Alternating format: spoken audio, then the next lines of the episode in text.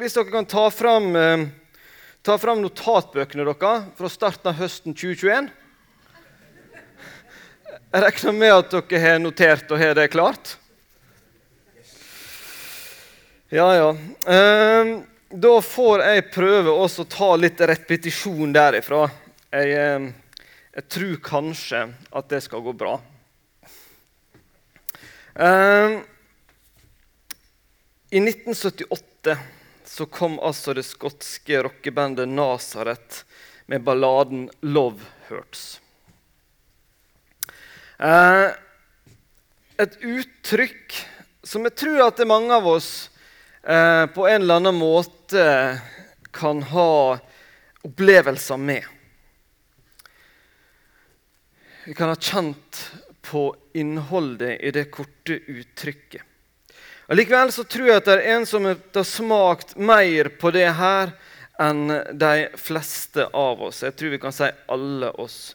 Eh, det er nemlig et kapittel i Hosea 11 som jeg syns er et eh, Ja, det er et kjempeflott kapittel. Og så er det et vondt kapittel. Eh, jeg kommer ikke til å lese hele kapittelet nå, men det kan du gjerne gjøre når du kommer hjem igjen.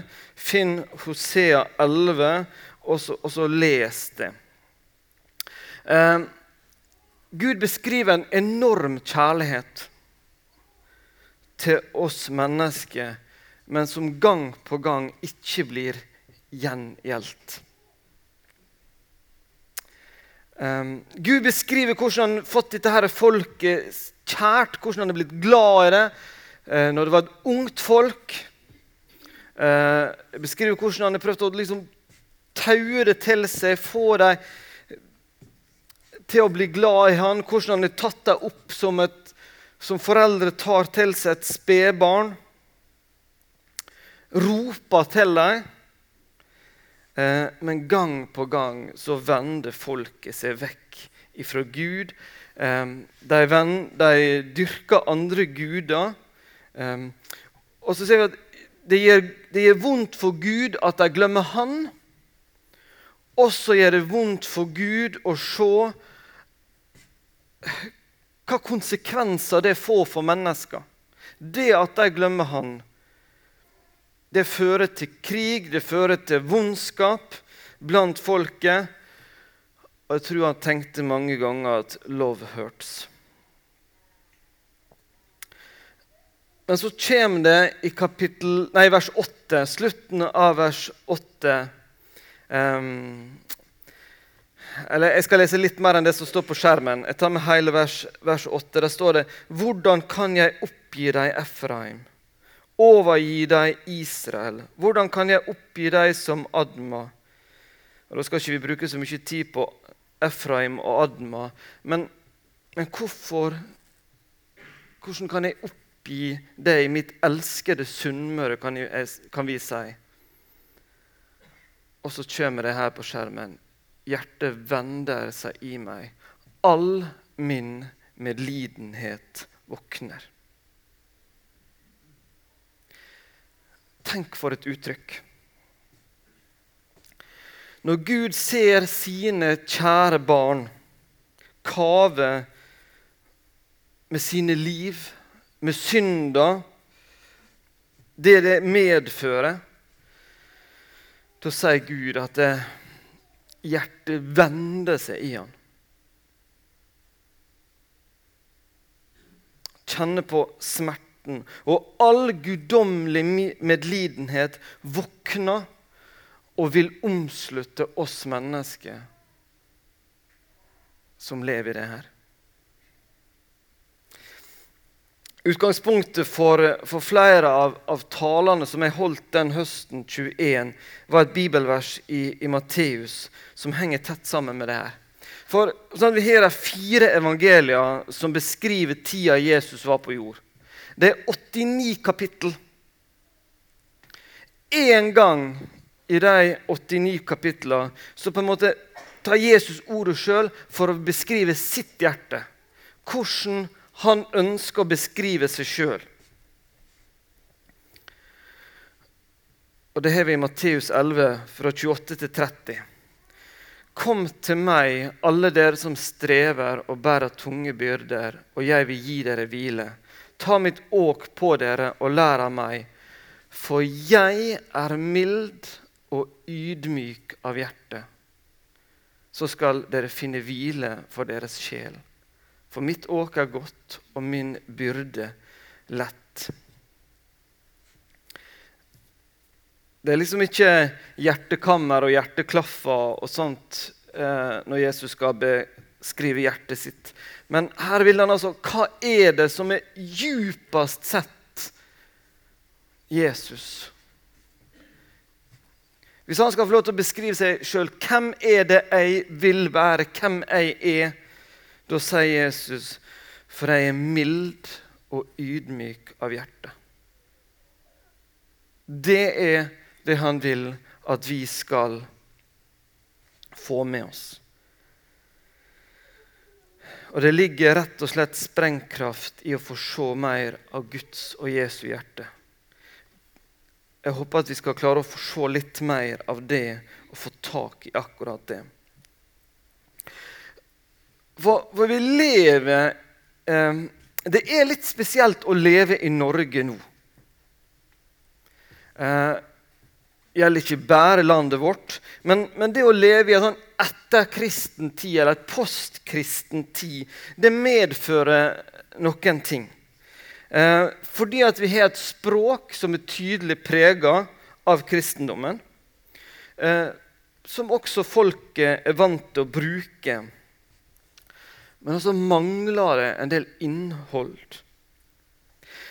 Over litt tid så har jeg lagt merke til at hvis eh, kristne eh, mennesker blir intervjua på TV, radio, eller kanskje stiller opp i en debatt, så har ofte debattleder eller den som intervjuer, et mål.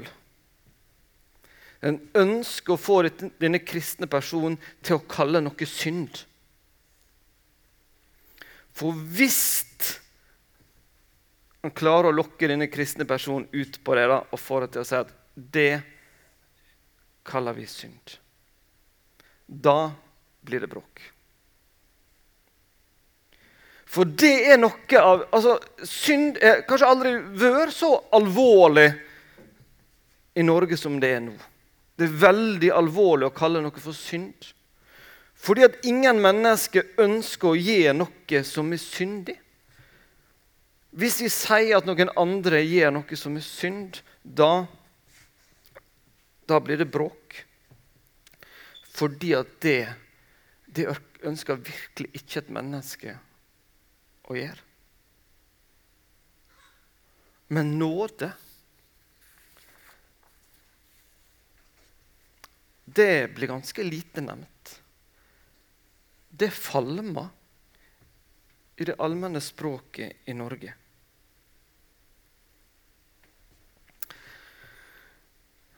Og Jeg har lyst til å vise dere noe som dukka opp i bibelleseplanen min eh, for nå en god stund tilbake. Da.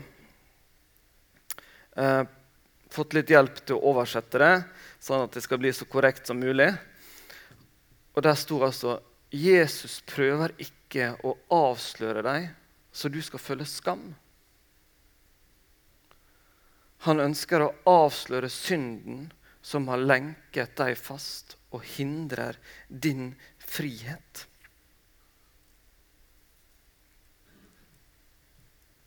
Prøv også bare å ta et bilde av det der med øynene og hjernen din og la det få lov til å ligge der. Om du ikke husker noe annet i dag, så prøv at det der ligger på netthinna når du går herifra. Fordi at det gjør faktisk eh, vondt da, å se at det her har ikke Norge forstått. Det er her der ligger en så stor misforståelse som lett vi kan ta med oss inn i kristen sammenheng også. Vi kan kjenne sånn ubehag ved å ta fram dette ordet synd og tenke at det handler om at Gud ønsker å, og liksom eh, gjør meg flau, At jeg skal føle skam, jeg skal føle ubehag ved det livet jeg lever.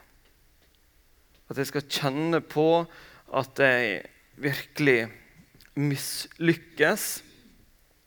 Og liksom skal holde meg litt nede. Det er fort gjort å tenke det. Og det er nok det veldig mange rundt oss i dag eh, opplever. Men det er ikke det som er Bibelens innhold. Det er ikke det Jesus vil at vi skal sitte og kjenne på. For Jesus, han er ydmyk og mild av hjerte.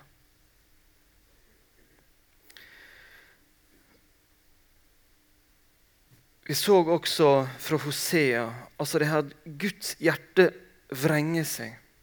Den vrenger seg over at synda er stor, og at vi lever og kaver med det her i vår verden. Um, og han har virkelig, Gud har virkelig et hat overfor denne synda. Større enn vi kan forstå. Det er en, en guddommelig vrede over det her. Men ikke mennesker. Og Det er utrolig viktig at vi klarer å skille det. At vi klarer å se at Guds vrede over synda den er større enn hva vi klarer å skjønne. Men Guds kjærlighet til oss mennesker er også større enn vi klarer å skjønne. Jeg skal prøve på et, på et lite, lite, bilde. Eh, jeg har lagt merke til at det er flere har sagt at det var vanskelig å synge 'Deilig er jorden' denne jula. Fordi det er mye vondskap i vår verden. Og det, det, det kjenner vi på. Vi, vi, vi, merker krigene, urolighetene, det som skjer rundt oss. Eh, det går inn på oss. Eh, men samtidig så klarer vi ganske ofte å,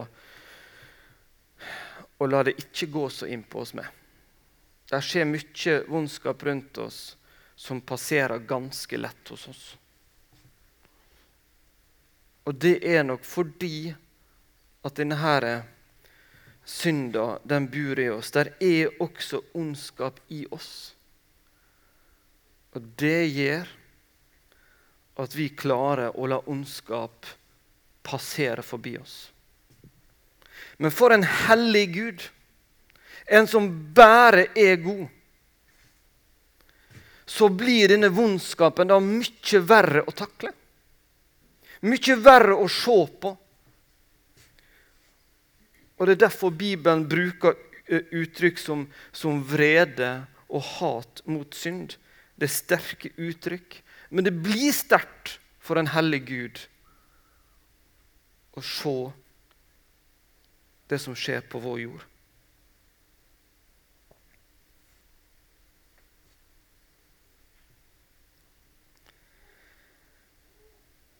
Et annet, et annet bilde um, er mor eller far som opplever å ha um, et alvorlig sykt barn. Så vil medlidigheten bare øke etter omfanget på sykdommen. Det går ikke ut over kjærligheten fra foreldre til barn at dette barnet er sjukt. så vil vi kjenne på at det en Ja, vi kan bli sint og frustrert i en sånn situasjon over denne sykdommen. Og da retter den sinnet seg mot sykdommen, ikke mot barnet. Kjærligheten til barnet er like stor. Men vi vil kjenne at denne sykdommen den gjør oss vondt.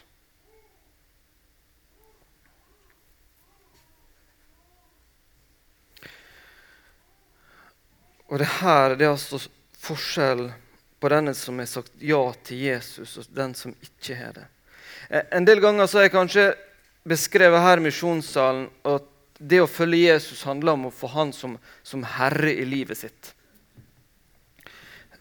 Det tenker jeg det er grunnlag for å si, eh, men, men det dekker ikke alt. For det å være en kristen handler også om at Jesus har tatt bolig i oss. Det betyr at Jesus har tatt en plass inn i oss og ønsker å stå sammen med oss i den kampen som vi lever med synd i våre liv. Jesus ønsker å leve ut denne medlidenheten med oss i oss.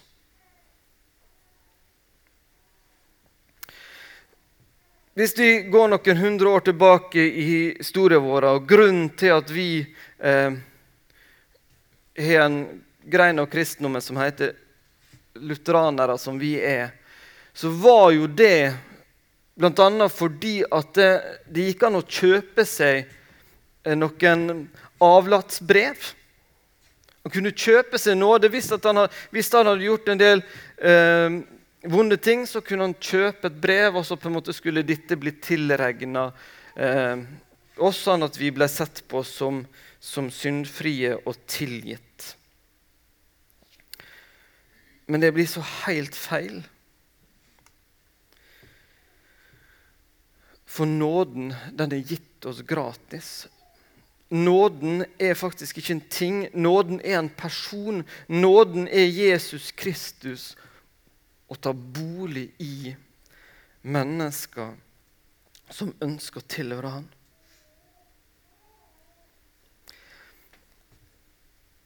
I Romerne 7,17 så står det så er det ikke lenger jeg som gjør det, men synden som bor i meg. Det er et viktig bibelvers å, å forstå.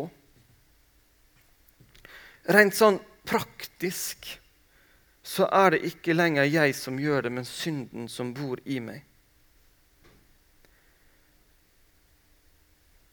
Det betyr at synda er der, men den går ikke ut over min verdi. Jeg er skapt, vi er skapt av Gud og er uendelig verdifulle for Han. Og Så kom synda inn i verden, og den har dessverre også fått plass i våre liv. Den bor i oss. Men det er ikke vi. Det er ikke vi som er synda. Derfor kan Gud skille slik at han kan si at han ikke utholder synda som vi kaver med, men han elsker oss like høyt. Vi er det mest dyrebare han har. Mennesker sin verdi er uforandra om vi synder eller ikke. Når vi lever åpent med Gud om synda i våre liv, så vil Jesu åpenbare hele himmelens medlidenhet hos oss. Tenk på det. Det er veldig lett for oss å tenke at det, det er ting som vi ikke har lyst til å åpenbare for Gud. Det, det, er, det er litt flaut, og det gjør litt vondt. Men det er når Guds lys kan få lov til å trenge inn i de innerste avkrokene i våre liv, at vi kan få lov til å oppleve friheten. At vi kan bli satt virkelig fri. Jesus som har sona all verdens synd, han er tatt bolig inn i oss mennesker som vil tilhøre Han. Han vil være der inne, og han vil gå med oss i kampen. Jeg har lyst til å avslutte i dag med en historie.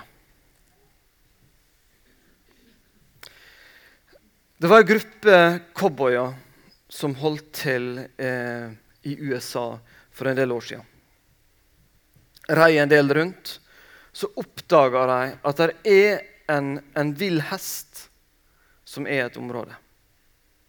Prøver noen ganger å, å fange han. Eh, får ikke det til. Tenker at det så ut som at denne her hesten her, han nytter friheten. Snakka litt sammen om kanskje, kanskje skulle han bare få lov til å ha det sånn. Kanskje hadde han det best sånn. Men en av disse cowboyene han gir ikke helt opp. Og En dag så klarer han å få slengt tauet rundt han og dratt han til seg. Det er en ganske tøff kamp. Um, og han får han hjem til seg og innafor et trygt gjerde. Um, en del av de som så dette, tenkte at ah, nå mista han vel dessverre friheten sin, denne hesten. Men denne cowboyen som hadde fått tak i han, han tok seg av denne hesten. Han stelte med han, viste han kjærlighet, sørga for ly når været var ubehagelig, og begynte å få temme denne hesten. Og en dag så klarte han å komme opp på ryggen på han. Fikk ridd han. Kunne ta han med på tur, kunne vise han de grønneste engene og kunne lede han til det friskeste vannet. Og sannheten var at når denne hesten fikk cowboyen som herre og mester, da fikk han først kjenne på hva frihet virkelig er.